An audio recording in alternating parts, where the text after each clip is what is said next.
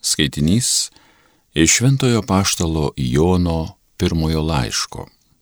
Mylimieji, mylėkite vieni kitus, nes meilė yra iš Dievo. Kiekvienas, kuris myli, yra gimęs iš Dievo ir pažįsta Dievą. Kas nemyli, tas nepažino Dievo, nes Dievas yra meilė. O Dievo meilė pasireiškia mums tuo, jog Dievas atsiuntė į pasaulį savo viengimį sūnų kad mes gyventume per jį. Meilė ne tai, jog mes pamilome Dievą, bet kad Jis mus pamilo ir atsiuntė savo sūnų kaip permaldavimą už mūsų nuodėmes. Mylimieji, jei Dievas mus taip pamilo, tai ir mes turime mylėti vieni kitus. Dievo niekas niekuomet nėra matęs, jei mylime vieni kitus, Dievas mumise pasilieka ir jo meilė mumise tobula tampa. Iš to pažįstame, kad pasiliekame jame ir jis mumyse. Jis yra davęs mums savo dvasios. Taigi mes matėme ir liudijame, kad tėvas atsiuntė sūnų pasaulio išgelbėtoje. Kas išpažįsta, jog Jėzus yra Dievo sūnus, Dievas tame ir jis Dieve pasilieka. Mes pažinome ir įtikėjome meilę, kurią Dievas mus myli. Dievas yra meilė ir kas pasilieka meilėje, tas pasilieka Dieve ir Dievas pasilieka jame. Tai Dievo žodis.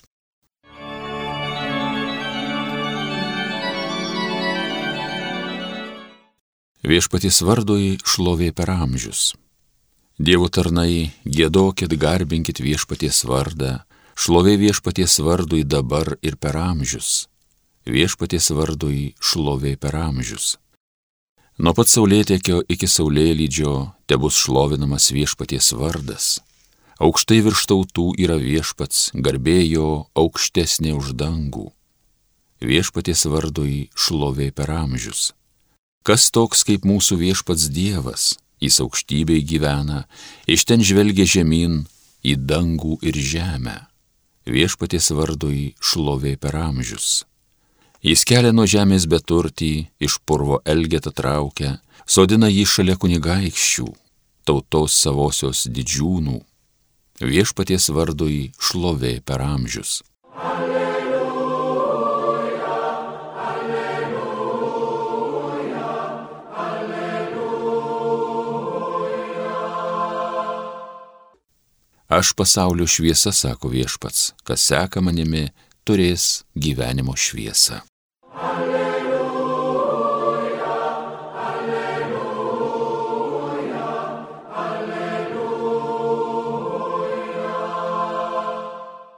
Pasiklausykime Evangelijos pagal Luką. Anu metu Jėzus užsuko į vieną kaimą, ten viena moteris vardu Morta pakvietė jį į svečius. Ji turėjo seserį vardu Mariją, šie atsisėdusi prie viešpaties kojų klausėsi jo žodžių, Morta buvo susirūpinusi visokių patarnavimų. Jis staptelėjo ir pasiskundė viešpatie. Tau nerūpi, kad sesuo palieka mane vieną patarnauti, sakyk, kad ji man padėtų. Tačiau viešpats atsakė, Morta, Morta, trūpinės ir sielojasi daugeliu dalykų, reikia tik vieno. Marija išsirinko geriausią dalį, kuri nebus iš jos atimta. Girdėjote viešpaties žodį.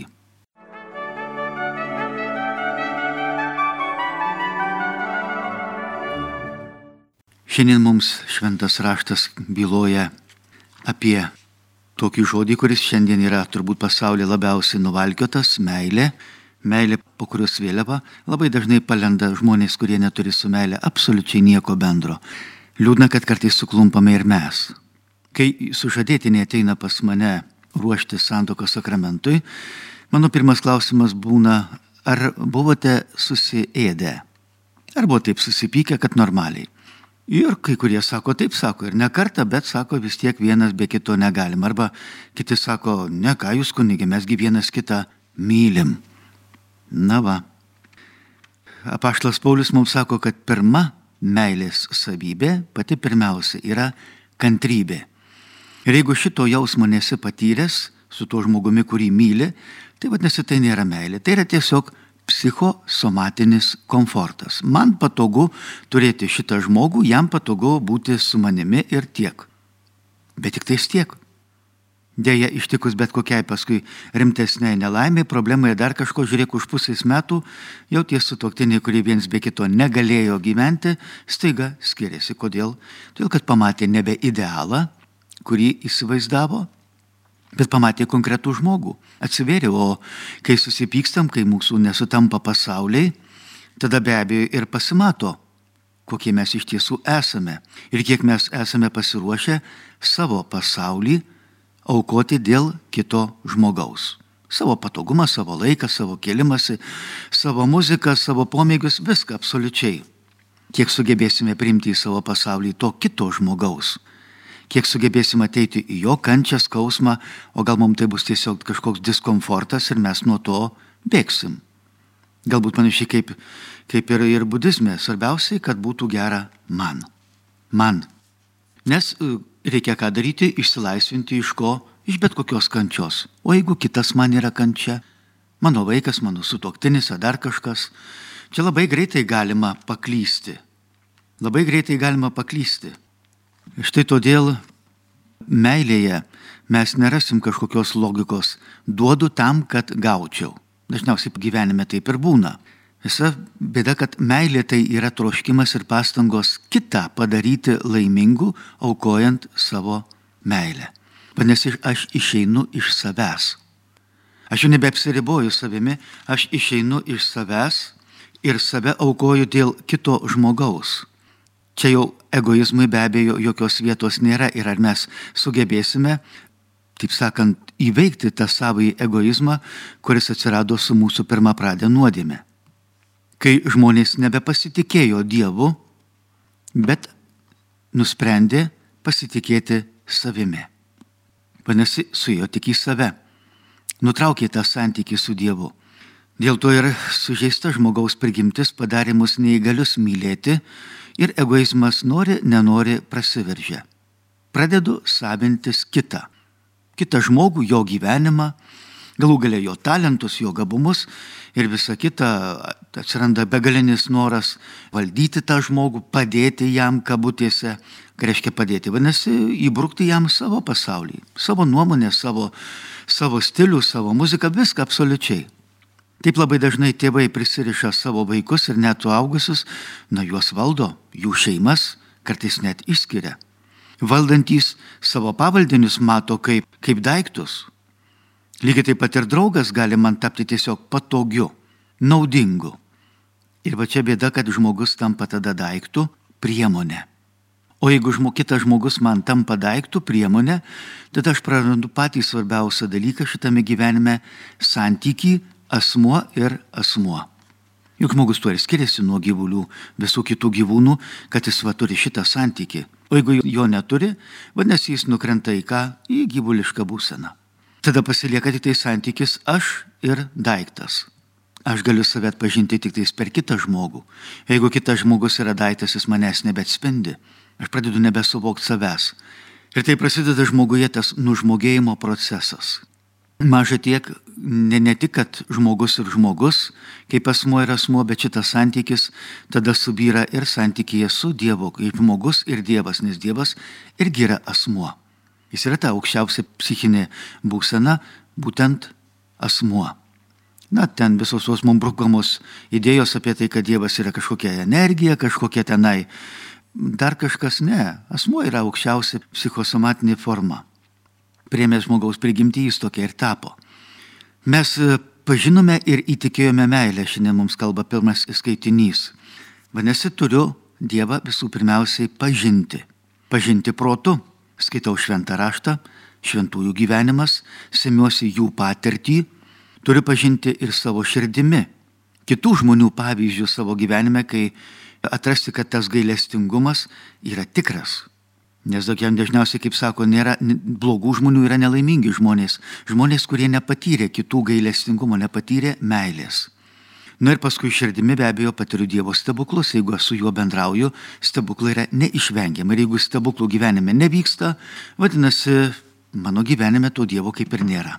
Stebuklai privalo vykti. Nes kas yra stebuklas? Stebuklas tai yra Dievo leidimas Dievui ateiti į mano gyvenimą ir daryti tai, ką jis yra pramatęs. Nu, jis yra pramatęs tai, ką, kas mane padaro laimingu. visa formulė, visas algoritmas. Žmogau, naudokis, jeigu nukrypsi kitur, tada jau paskui ir nupušinėjai ten į visokius kitus labirintus ir pasiklysti šito pasaulio įvairiuose tenai šiukšlynuose. Ir knaisiojosi po juos, bandydamas ten per garbę, per šlovę, per karjerą, per dar kažką pasidaryti, per turtus pasidaryti laimingas. O Dievas sako ne. Žmogaus laimė yra būti mylimam, o neturtingam, įžymiam, garsiam ar kažkokiam. Kaip kažkada Madona sakė, turbūt esu pats nelaimingiausias žmogus pasaulyje, nors buvo pati garsiausia. Jos iškabos, milijonų milijonai ėjo iš proto dėl jos ir taip toliau. O jinai ta, tik tais kai susilaukė vaiko, va tada jau iš tiesų pasakė, štai dabar aš esu laiminga. Turiu tą, kuris mane tikrai myli besąlygiškai, taip kaip kūdikis myli savo mamą, ir turiu tą žmogų, kurį iš tiesų galiu mylėti, dovanoti save. Tokie buvo jo žodžiai. Tačiau tam, kad pajėgčiau mylėti, man reikia ką daryti - save perinstaliuoti. Man reikia save perinstaliuoti, pertvarkyti taip, kad aš tapčiau įgalus mylėti, dovanoti save. Nebebūtų tos baimės, kad prarasiu, neteksiu, bus per mažai ir taip toliau. O tam reikalingas kas yra? Reikalinga atgaila, kad pradėčiau naikinti savyje esančias įdas, nuodėmės, kompleksus, baimės ir taip toliau. Nepykantas ir visa kita. Tam yra išpažintis, dvasiniai pokalbiai, važiuoju kokius palendrius, kryžių kalną, dar kažkur, išpilu visą savo bjaurastį, grįžtų švarus švarus. Va taip kaip prieš operaciją žmogus turi būti visiškai, taip sakant, pakankamai sveikas, kad galėtų atlaikyti tą operaciją, kuri vadinasi atsivertimas. Atsivertimas tai vadinasi priversti save grįžti atgal kur į pirminę būseną. Juk ir gydytojas darydamas operaciją stengiasi sugražinti tau tą, nu, pirminę gyvybę, kad tu vėl galėtum funkcionuoti kiek įmanoma geriau. Tai ir yra prisikėlimas. Viešpats mus atveda į kur? Į save, į tikrąjį save, į mano tikrąjį save. Ir aš tada galiu gyventi tikrąjį savo gyvenimą, kuris be abejo yra nuostabus. Nes tikrasis mano gyvenimas visą laiką bus teisingame santykėje su kitais žmonėmis, su savimi, nes reikia mylėti ir save, ir be abejo bus tada tikrasis santykis su Dievu. Tai ir bus ta pilnatvė. Tai ir bus ta pilnatvė mano gyvenime, tas trikampis. Aš, kitas žmogus ir Dievas. Šitame trikampyje mes puikiai matome, kad e, jis subyra, jeigu tik tais nėra kito žmogaus. Aš įsivaizduoju, kad turi mylėti tik tais Dievą. Ne, Dievas mane visada atkreips į meilę kitam žmogui. Ir jeigu išmoksiu mylėti kitą žmogų, priimsiu jį, priversiu save priimti, pamatyti tą žmogų galbūt nelaimingą, sužeistą, dar kažkokį neapkabintą, nemylėtą, dėl to tokį bjaurų ir piktą ir, ir blogą. Štai tada ir tas santykis su Dievu taps visai kitoks. Mes puikiai žinom, kad daugybė atsivertimų įvyko, kai žmonės pamatė kitus kenčiančius ir prie jų skausmo, kančios, vienatvės, nevilties, baimės, nepritekliaus prisilietė. Tai buvo su Pranciškum, tai buvo su motina Teresė, tai buvo su visais šventaisiais. Ir tada tas gyvenimas jau su Dievu, jis jau tampa prasmingas. Suprantat, pradeda jau tada kauptis. Jau tada į tavo gyvenimo tašę pradeda birėti tikros vertybės, kurias tu galėsi nupersinešti jiem žinybę. Nes tai, kas nėra pažymėta meilė ženklu, tiesiog supūva, subyra, išgaruoja, dinksta, nebėra. Bet kas yra pažymėta meilės ženklu, nesvarbu ar stiklinė vandens, ar apkabinimas, ar šypsena, ar padrasinimas, o galbūt sudraudimas, tiesos sakymas, ar dar kažkas, tai iš tiesų tada jau tampa tikra vertybė, kuri mumise ir išlieka. Štai galbūt todėl Jėzus šiandien ir sako mums, kad, sako, žiūrėkit, neleiskit, kad jūs priplotų prie, de, prie žemės kasdienybė. Klausykitės Dievo balso, kad galėtumėte geriau atlikti savo darbus, kuriuos Dievas jums skiria.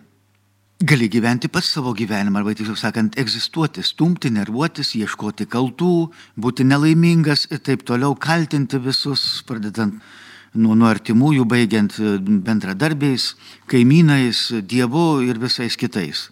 Politika, valdžia ir taip toliau. Arba priešingai, gali savo gyvenimo kryžių, kaip Jėzus ir sako, nenešk vienas, nešam kartu. Tada jis taps prasmingas tada jis bus pakeliamas, tada jis teiks, nesakau, kad bus lengvas, bet jis teiks tada džiaugsmą. Kaip ir mums daug kas iš tiesų, kas yra sunku, bet teikia džiaugsmą. Sunku suart laukus, suakėti, suvež derlių, dar kažkas, bet paskui džiaugsmas. Lygiai taip, kaip ir sunku vaikus užauginti, bet paskui pilnatvė. Sunku sportuoti, treniruotis ir visa kita, bet koks džiaugsmas, kai tu laimi varžybas. Štai taip viešpasi mus ir veda per šitą gyvenimą ir nori iš tiesų tik vieno, kad mes būtumėm laimingi. Galbūt todėl ir pasako šiandien Jėzus Mortai tuo žodžiu, sako, tu pasirinkai gerą dalį - tarnauti kitiems žmonėms, bet Marija pasirinko geresnę dalį - pirmiausiai klausytis Dievo, o paskui jau tada eiti į darbus. O ne kaip mes labai įpratę, svarbiausiai dabar dirb, dirb, plėšytis, draskytis, tenai nervuotis, pakuotis ir taip toliau, o gyvenimo pabaigoje tada bus galima ir pasimelsti. A, a. Todėl, kad nebus to gyvenimo, jo tiesiog nebus. Bus tuštybė, tu pažiūrėsi atgal į savo gyvenimą, pamatysi, kad ten buvo, taip kaip Koheletas sako, tuštybių tuštybė. Puikybė, pavydas, bereikalingos baimės, kažkokios tai nervinės įtampos, kaltinimai, kitų ir taip toliau. Netleidimas, kuris tave suėdė, sugraužė tau ir, ir skrandį, ir smegenis, ir visa kita, neapsimoka. Štai Jėzus mums tą šiandien ir sako. Gyvenimas su Dievu žmogau tau apsimoka. Nes tada iš tiesų tu ir gali būti laimingas. O Dievas sako, aš tik to ir trokštų. Argi aš turiu kitą troškimą, kaip padaryti tave laimingu? O tai reiškia nesočių, nutukusių, be jokių rūpeščių, be nieko. Ne. Noriu, kad tavo gyvenimas būtų prasmingas, kad jis turėtų skonį ir spalvas. Kas iš to, jeigu jo bus labai, labai, labai daug ir jis bus tuščias? Labai didelis nulis, milžiniškas nulis per visą pasaulį. Neapsimoka. Geriau, kaip sako žvirblis saujoj, negu kad e, jautis čia ant žemės. Semkimės iš viešpaties, nes jisgi to tik ir trokšta - mus apdovanoti, duoti mums, padėti mums šito gyvenimo kelyje, nes mes krikščionys juk tuo ir skiriamės nuo visų kitų religijų, kad į Dievą kreipiamės tėti. Kokio dar religijoje šitaip gali kreiptis į tą aukščiausią būtybę, kuri visą šitą su pasaulį sukūrė ir kuri norėjo manęs. Būtent manęs. Tėvai kūdikio, Dievas būtent manęs. Ir neturi kito troškimo, kaip tik būti su manimi, kaip jis pats sako, per visas mano gyvenimo dienas ir padėti man išsiskleisti šitame gyvenime, o paskui, kad galėčiau kuo didesnę pilnatvę, kiek savo širdį atversiu čia žemėje, turėti ir ten amžinybėje. Amen.